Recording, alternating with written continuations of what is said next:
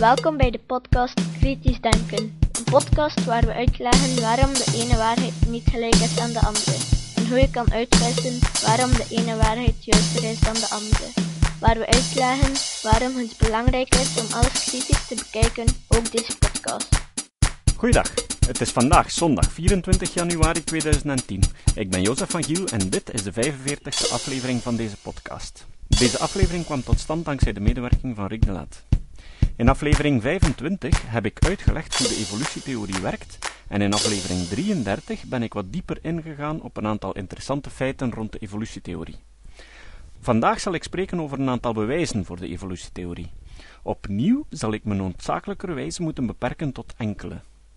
Ik zal het hebben over enkele die ik markant vind en waarvan ik denk dat vele mensen ze nog niet kennen maar het spreekt vanzelf dat het onmogelijk is om alle mogelijke bewijslijnen te bespreken. Het tempo waarmee nieuwe bewijzen gevonden worden is groter dan de snelheid waarmee ik ze tijdens een podcast zou kunnen bespreken. Zelfs al ben ik heel bondig en ga ik er 24 uur op 24 mee door. Ik ben er mij van bewust dat mijn luisteraars overtuigd zijn dat de evolutietheorie een feit is maar ik denk dat deze aflevering zeker interessant is om materiaal te verzamelen om beter te kunnen reageren als je in een discussie verzeild geraakt.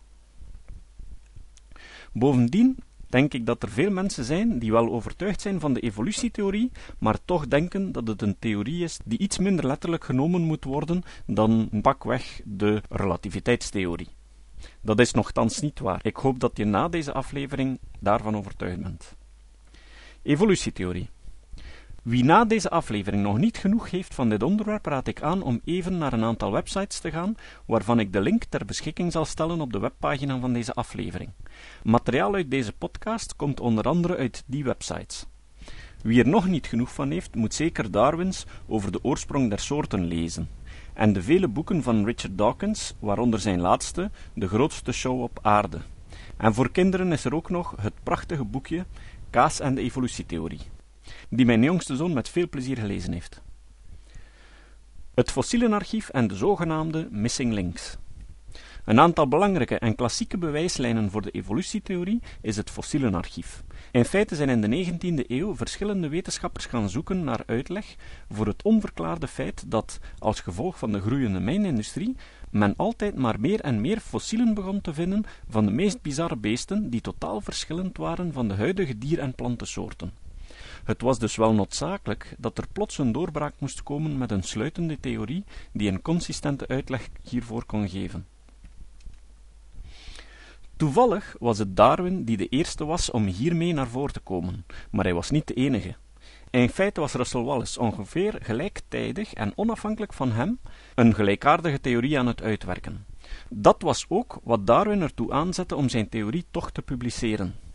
Darwin wijdt in over de oorsprong der soorten dan ook uitgebreid uit over het fossielenarchief en bespreekt de theorie van fossilisering. In dat kader legt hij dan ook uit waarom er, hoe dan ook, altijd gaten zullen blijven in het fossielenarchief. Fossilisering is eigenlijk meer uitzondering dan regel. Het allergrootste deel van de resten van leven verdwijnen volledig na de dood. Zelfs de harde delen, zoals schelpen en geraamten. Voor een goede fossilisering moet het materiaal snel bedekt worden door neutraal sediment en zo. In oerwouden is fossilisering bijna onmogelijk door het agressief snel afbrekende milieu van de humuszuren, zodat fossielen van woudbewoners dan ook vrij zeldzaam zijn. Maar als creationisten beweren dat er geen tussenvormen zijn, dan bedoelen ze dat niet. Eigenlijk bedoelen ze dikwijls dat er geen dieren bestaan die ergens tussen twee soorten inzitten, maar dan met bepaalde delen onvolledig ontwikkeld, zoals bijvoorbeeld een half oog. Veelbetekenend is de illustratie die ze daarbij gebruiken van de kroco-eend, of krokoduk in het Engels. Een afbeelding van een beest met een eendenlijf en een krokodillenkop. Met dit beeld tonen ze eigenlijk vooral aan hoe onwetend ze zijn. Geen enkele wetenschapper heeft ooit beweerd dat dergelijke beesten ooit zouden moeten bestaan hebben. Eenden en krokodillen hebben wel een gemeenschappelijke voorouder, en die verschillen evenveel van een eend als van een krokodil. Elke generatie heeft altijd lichaamsdelen die volledig ontwikkeld zijn en bruikbaar zijn voor het individu. Maar ondanks de problemen van fossilisering kunnen we toch vaststellen dat we voor bijna alle groepen van gewervelde landdieren een goed bewaard archief hebben waarvoor de evolutie de beste verklaring is. Bovendien is een compleet gatenloos archief een onmogelijke en zinloze opdracht. Een gatenloos archief zou erop neerkomen dat je tussen twee individuele fossielen ook nog alle ouders van het jongste fossiel terugvindt, tot je bij het eerste fossiel komt. Dat zou betekenen dat je voor twee soorten die 1 miljoen jaar van elkaar verwijderd zijn, ongeveer 500.000 tussenfossielen moet kunnen terugvinden in de veronderstelling dat deze fossielen zich na twee jaar voortplanten. Op de website Daarom Evolutie kan je deze fossielen archieven mooi bekijken. Voor de overgang van de gewervelde zeedieren naar landdieren hebben we een prachtig archief dat je kan laten beginnen bij de Osteolepis, een spiervinnige vis uit het Devon, waarvan de vinnen al duidelijke gelijkenissen met poten beginnen te krijgen. De Eusthenopteron bezit al botelementen die ook bij landdieren te vinden zijn. Op de website Daarom Evolutie kan je zo acht verschillende achtereenvolgende fossielen zien, waarbij het laatste, de Ichthyostega, duidelijk een landdier is. Maar een zeer interessant geval dat in deze lijst voorkomt, is de Tiktaalik. In het fossielenarchief had men al een redelijk beeld van de evolutie van landdieren, maar er zat een gat van ongeveer 20 miljoen jaar in. Wetenschappers zijn daarom actief op zoek gegaan. Als de evolutietheorie klopt, dan moest er tussen de Panderichthys en de Elginerpeton een dier geleefd hebben dat een tussenvorm is tussen deze beide soorten. Zo'n uitspraak is een voorspelling gemaakt op basis van een wetenschappelijke theorie, en het bewijs van zo'n voorspelling is een belangrijk argument voor de geldigheid van die theorie. Door onderzoek van het beschikbaar materiaal en begrip van de gesteenten en de evolutie kwam men tot de conclusie dat ze moesten gaan zoeken in de Devonlagen op het Canadese eiland Ellesmere. En daar vonden ze dan in 2004 ook effectief een vrij goed bewaard fossiel van de Tiktaalik. Het woord betekent in de Inuit-taal grote zoetwatervis.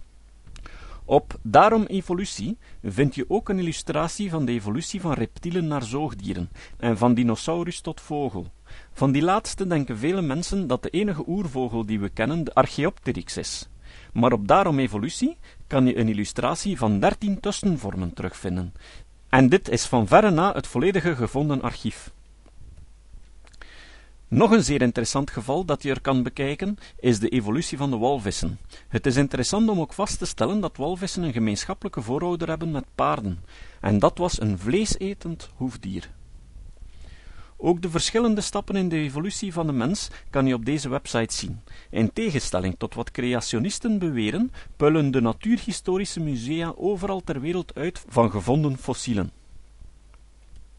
2. Ademhaling van de walvis.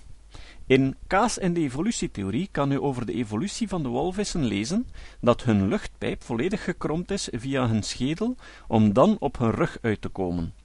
Een god die zoiets maakt moet wel een enorme knoeier geweest zijn.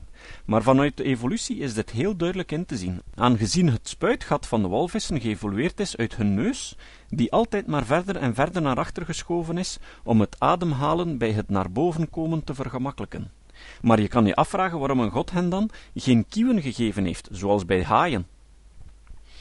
Een gelijkaardig fenomeen doet zich voor met de nervus laryngeus recurrens.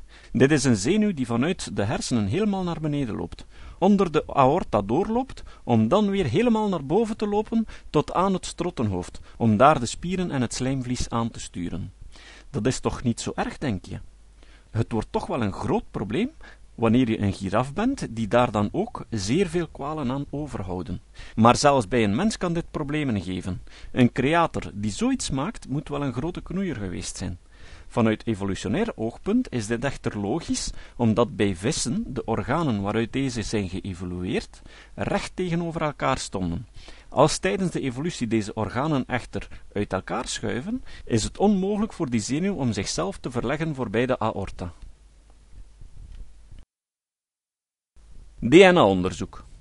Veel mensen denken dat alle kennis rond evolutie afkomstig is van het fossielenarchief. Maar zelfs zonder dat fossielenarchief zouden we, geconfronteerd met de ontdekking van het DNA, alleen maar kunnen besluiten dat de evolutietheorie een feit is. Naast het fossielenarchief is DNA-onderzoek dus een bewijslijn voor de evolutie die volledig onafhankelijk is van het fossielenarchief. Tijdens de afleveringen over de wetenschappelijke methode, aflevering 17, heb ik het gehad over consistentie als een belangrijk principe van de wetenschappelijke methode. Als je dus de conclusies van het DNA-onderzoek in verband met de verwantschappen tussen de soorten vergelijkt met het fossielenarchief, dan stel je een indrukwekkende consistentie vast tussen beiden. Het is natuurlijk belangrijk om erop te wijzen dat het DNA-onderzoek ook nieuwe inzichten in die verwantschappen heeft opgeleverd, doordat het een veel nauwkeurigere en objectievere manier is om deze in kaart te brengen. Bij morfologisch onderzoek het vergelijken van de vormen van de lichaamsdelen tussen de soorten moet je steeds steunen op een stuk subjectieve interpretatie van de bioloog. Bij een vergelijking van het DNA hoeft men enkel te kijken waar de genen tussen beide soorten verschillen. Dat is een discrete of digitale beslissing. Ze zijn gelijk of verschillend. Iets als een beetje gelijk of een beetje verschillend bestaat daar niet. In zijn boek River Out of Eden legt Richard Dawkins deze digitalisering van ons genetisch materiaal uit als een essentiële stap om het evolutieproces goed te laten verlopen. Hij vergelijkt het met de reden waarom wij van de vinylplaat naar de compactdisc zijn overgestapt. Analoge informatie digitaliseren vraagt een benadering van de informatie, omdat je de analoge gegevens moet benaderen door de waarden die het discrete model toelaten. Maar eenmaal gedigitaliseerd kan je de informatie kopiëren en manipuleren zonder verlies aan kwaliteit. Het proces laat toe om een muziekstuk of een bestand op een computer duizenden keren te kopiëren, te versturen via het internet, op een memory stick te plaatsen en vandaar weer op een mp3-speler, dan op een cd te branden enzovoort, zonder dat er ook maar iets aan de kwaliteit verloren gaat. Hetzelfde geldt voor genen. Die kunnen ook duizenden keren gekopieerd worden zonder dat er gegevens verloren gaan. En dat gebeurt ook miljoenen keren per seconde in ons lichaam. De informatie van de celkern wordt gekopieerd naar messenger-RNA, die informatie transporteert naar de ribosomen om het daar te vertalen in aminozuurketens om zo de proteïnen te maken.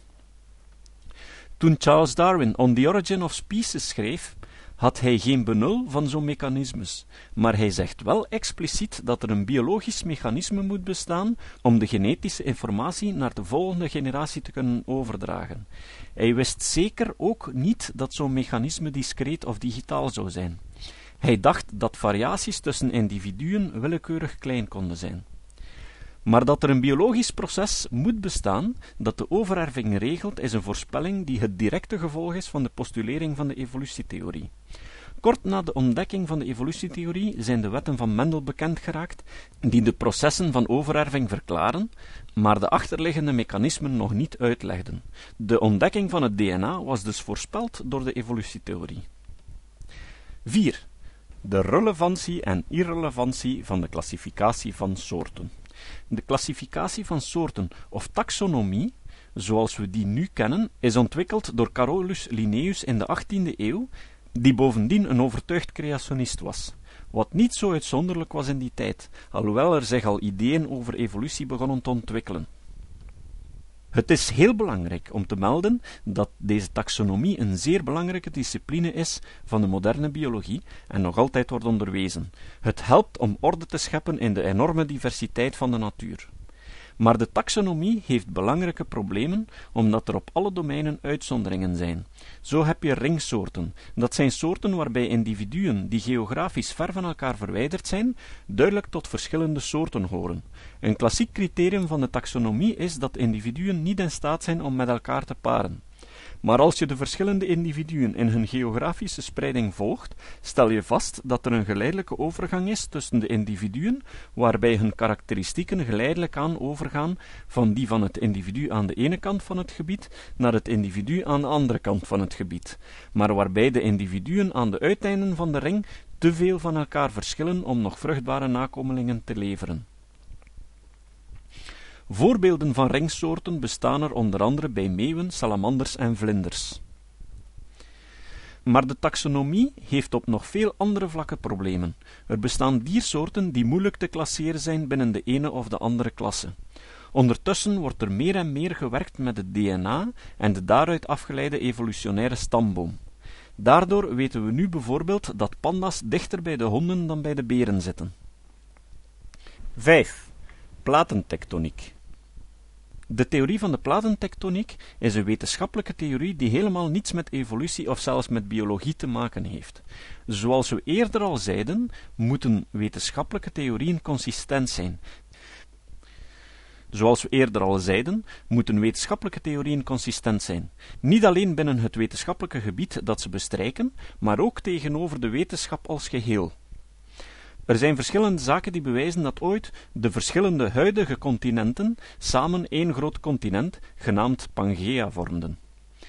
De mechanismen die hierachter zitten worden tegenwoordig goed begrepen, en ik heb er even over uitgeweid tijdens de aflevering over IJsland. Maar zeer interessant en veelzeggend is de bewijslijn van de gesteenten waarbij je perfect kan zien hoe bepaalde formaties tussen bijvoorbeeld Latijns-Amerika en Afrika gewoon doorlopen. Ook de leeftijd van de gesteenten in de Atlantische Oceaan en hun magnetische polariteit tonen dit aan. Een zeer interessant verschijnsel bij de fossielen is dat we fossielen van dezelfde soort vinden aan beide zijden van de oceaan, in net die gebieden die corresponderen met de net besproken gesteenten. Bovendien stellen we vast dat die gelijke soorten verdwijnen na de splitsing van het continent en gaan de soorten hun eigen weg in een verdere evolutie aan beide zijden van de oceaan. Wie deze theorie naast zich neerlegt, moet een andere uitleg proberen te vinden, niet alleen voor de zo pas besproken divergentie van de soorten aan beide kanten van de oceaan, maar ook voor de zo pas besproken gesteenten op het land en in de zee, voor de ligging van de oceanen en de gebergten en de natuurverschijnselen zoals aardbevingen en vulkaanuitbarstingen. De geldigheid van de theorie van de platentectoniek is vorige week op een vrede manier opnieuw geïllustreerd met de ramp in Haiti. Als deze door een god zou veroorzaakt zijn, stel ik mij toch de vraag waarom die het gemunt heeft op de armste sukkelaars van de wereld en niet op die harteloze multimiljonairs die op hun privéschip op de oceanen aan het dobberen zijn. Ik heb het weer al over consistentie gehad. Het is niet de laatste keer dat ik het daarover zal hebben. 6. De Kipposaurus. We hadden het al over het DNA-onderzoek. Dit onderzoek heeft onder meer aangetoond dat vogels wel degelijk verwant zijn met reptielen en hun latere erfgenamen, de dinosaurussen. Maar een heel specifiek element dat DNA-onderzoek aan het licht bracht, is dat vogels nog altijd genen bezitten die coderen voor tanden. Ze zijn enkel uitgeschakeld door andere genen. Meer nog, onlangs zijn wetenschappers erin geslaagd om bij een kip die genen opnieuw te activeren en zo een kip met tanden te kweken. Een goede verklaring voor dit fenomeen is dat vogels van tandhebbende soorten evolueerden. Een slechte verklaring zou kunnen zijn dat God het wel erg grappig vond om die code in het DNA van vogels te steken, zonder ze te gebruiken. 7. Vitamine C. Primaten, dat zijn mensen, chimpansees, gorillas en orangutangs, kunnen zelf geen vitamine C aanmaken, terwijl alle andere zoogdieren dat wel kunnen. Ze halen een vitamine C dus noodgedwongen uit fruit. Nochtans hebben ze alle genen om de aanmaak te bewerkstelligen. Alleen het gen van de laatste stap in dat productieproces is defect. En wel bij alle primaten op identiek dezelfde manier. Volgens mij is de beste verklaring hiervoor dat deze soorten een gemeenschappelijke voorouder hebben, bij wie het gen door mutatie defect ging maar aangezien ze het niet echt nodig hadden, omdat ze fruiteters geworden waren, is deze voorouder erin geslaagd om zich verder voort te planten. 8. Ouderdomsbepaling. De ouderdom van fossielen wordt op vele verschillende manieren bepaald. De meest klassieke en oudste manier van ouderdomsbepaling bestaat in het meten en tellen van de lagen sediment waaronder de fossielen liggen. Je zou natuurlijk kunnen beweren dat je geen enkele garantie hebt dat beide overeenkomen, vooral omdat de zondvloed al die lagen door elkaar gooide. Maar je moet wel erg sterk in je schoenen staan om dat te beweren als je vaststelt dat op verschillende vindplaatsen dezelfde fossielen systematisch in dezelfde lagen gevonden worden en dat in die lagen eronder oudere fossielen gevonden worden en in de hogere lagen jongere fossielen. Toen ooit een creationist aan Haldane vroeg welk bewijsmateriaal hem zou kunnen overtuigen dat de evolutie fout is, antwoordde deze: een konijnenfossiel in de Precambriumlagen. Een tweede manier bestaat erin om het radioactief verval te meten van isotopen die voorkomen in de fossielen of in de gesteenten waarin fossielen gevonden worden. Veel mensen denken dat daarvoor de koolstof-14-methode toegepast wordt, maar dat is niet waar, omdat die methode maar bruikbaar is tot een ouderdom van ongeveer 60.000 jaar. Het is wel interessant voor de archeologie, maar niet voor de paleontologie.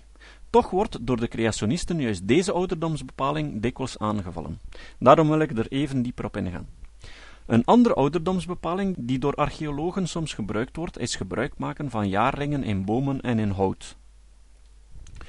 Door nu de koolstof-14-methode toe te passen op het hout van de jaarringen van een boom, kan je de koolstof-14-methode kalibreren. Daarbij kan je trouwens veel verder gaan dan de leeftijd van de oudste levende boom. Door het koolstof-14-gehalte in dood hout te vergelijken met de jaarringen van levende bomen, als hun levensloop overlappen, kan je de leeftijd van de overlappende jaarringen in het dode hout bepalen en zo de leeftijd van de oudere jaarringen. Deze methode kan je meerdere keren in cascade gebruiken. Als je het geluk hebt en houten overblijfselen van oude culturen vindt, waarvan de jaarlingen overlappend zijn, dan kan je op die manier de koolstof-14-methode vrij nauwkeurig over een vrij lange periode onderzoeken en eiken. Het besluit is dat de methode vrij nauwkeurig is, maar door die eiking kan je nog veel nauwkeuriger gaan. Maar bij paleontologie worden andere isotopen dan die van koolstof gebruikt, die een veel langere halveringswaarde hebben. Onder andere van de elementen kalium, rubidium, uranium, lood en jood. Ten slotte bestaat er DNA-datering.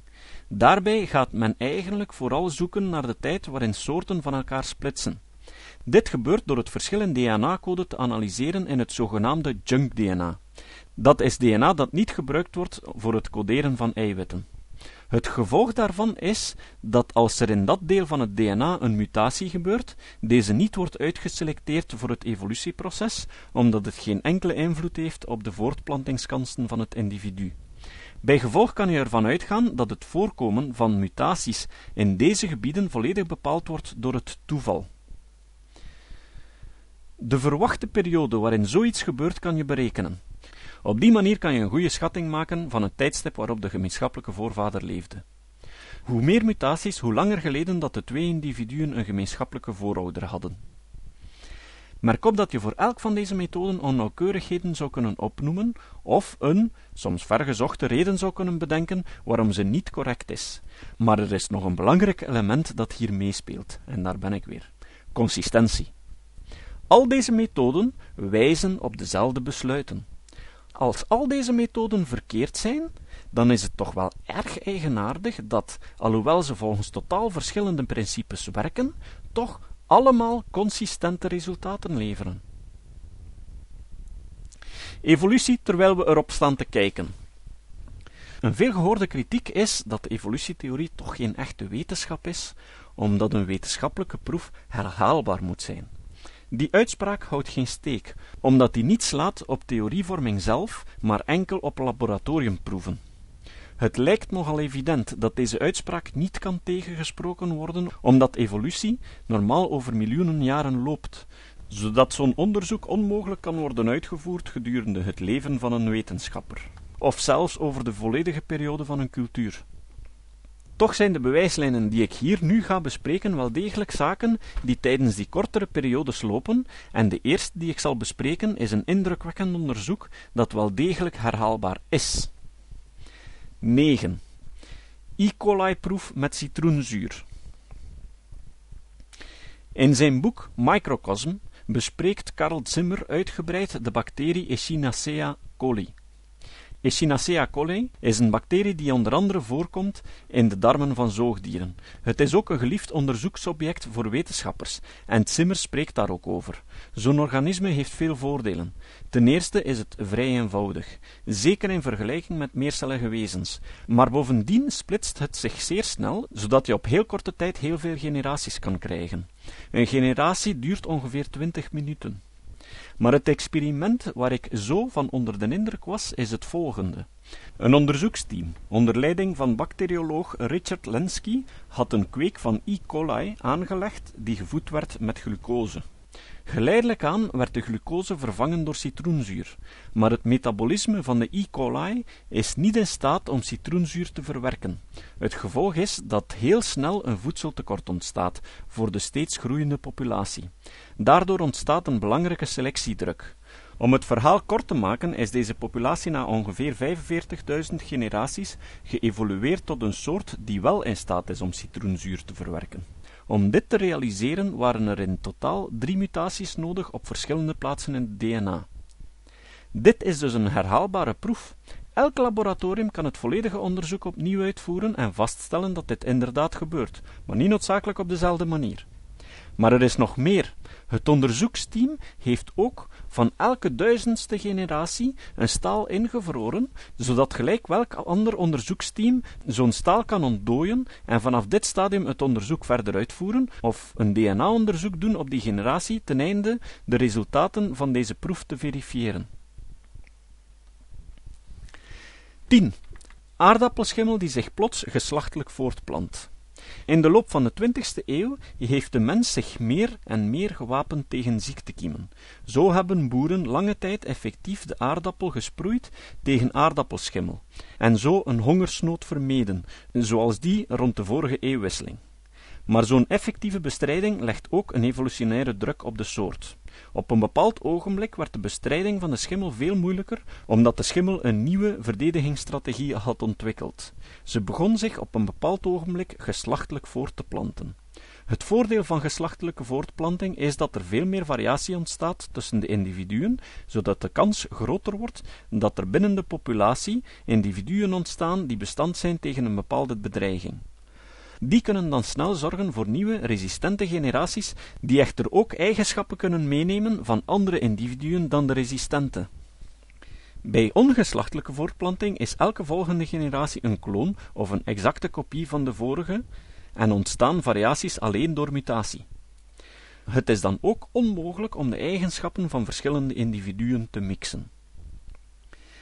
Dit is dus een proces dat verlopen is gedurende een periode die niet groter was dan een menselijke generatie. Het fenomeen is dan ook goed gedocumenteerd. 11. AIDS-virus en griepvirus. De belangrijkste reden waarom we aids en griep maar niet de wereld uit kunnen krijgen, is dat deze virussen een verdedigingsstrategie hebben ontwikkeld door snel te veranderen. Dat betekent dat bepaalde delen van hun erfelijk materiaal voortdurend veranderen. Op die manier kunnen ze de antilichamen van de mens om de tuin leiden. Dat is dus ook de reden waarom we elk jaar opnieuw een griepvaccin moeten krijgen, dat dan nog maar een verwacht effect heeft van ongeveer 80%. Er is namelijk altijd een kans dat het virus gemuteerd is nadat de vaccins aangemaakt zijn. 12. Darwinvinken. Recent onderzoek heeft belangrijke veranderingen aangetoond aan de bekken van de vinken die Darwin ooit observeerde op Galapagos-eilanden, beschreven heeft in zijn reisverslagen met de Beagle en waarvan hij enkele dode exemplaren meenam naar Engeland. Interessant om weten is dat, alhoewel het verhaal van Darwin en zijn vinken heel bekend is, in tegenstelling tot wat men denkt, deze vinken geen rol van betekenis gespeeld hebben bij het uitwerken van de evolutietheorie. In On the Origin of Species spreekt Darwin er zelfs niet over. Dit is een van die variaties die in de natuur geobserveerd werd, maar er zijn er nog veel meer, onder andere van hagedissen die langere poten krijgen om zich tegen mieren te beschermen, vogels die veranderen omdat mensen winters voedsel klaarzetten en zo verder. Ik kan nog uren doorgaan, maar ik ben al veel te lang bezig. Bovendien dacht ik van alleen maar mijn tien favorieten te noemen, maar ik kon het niet laten. Uiteindelijk is twaalf toch wel een mooier getal.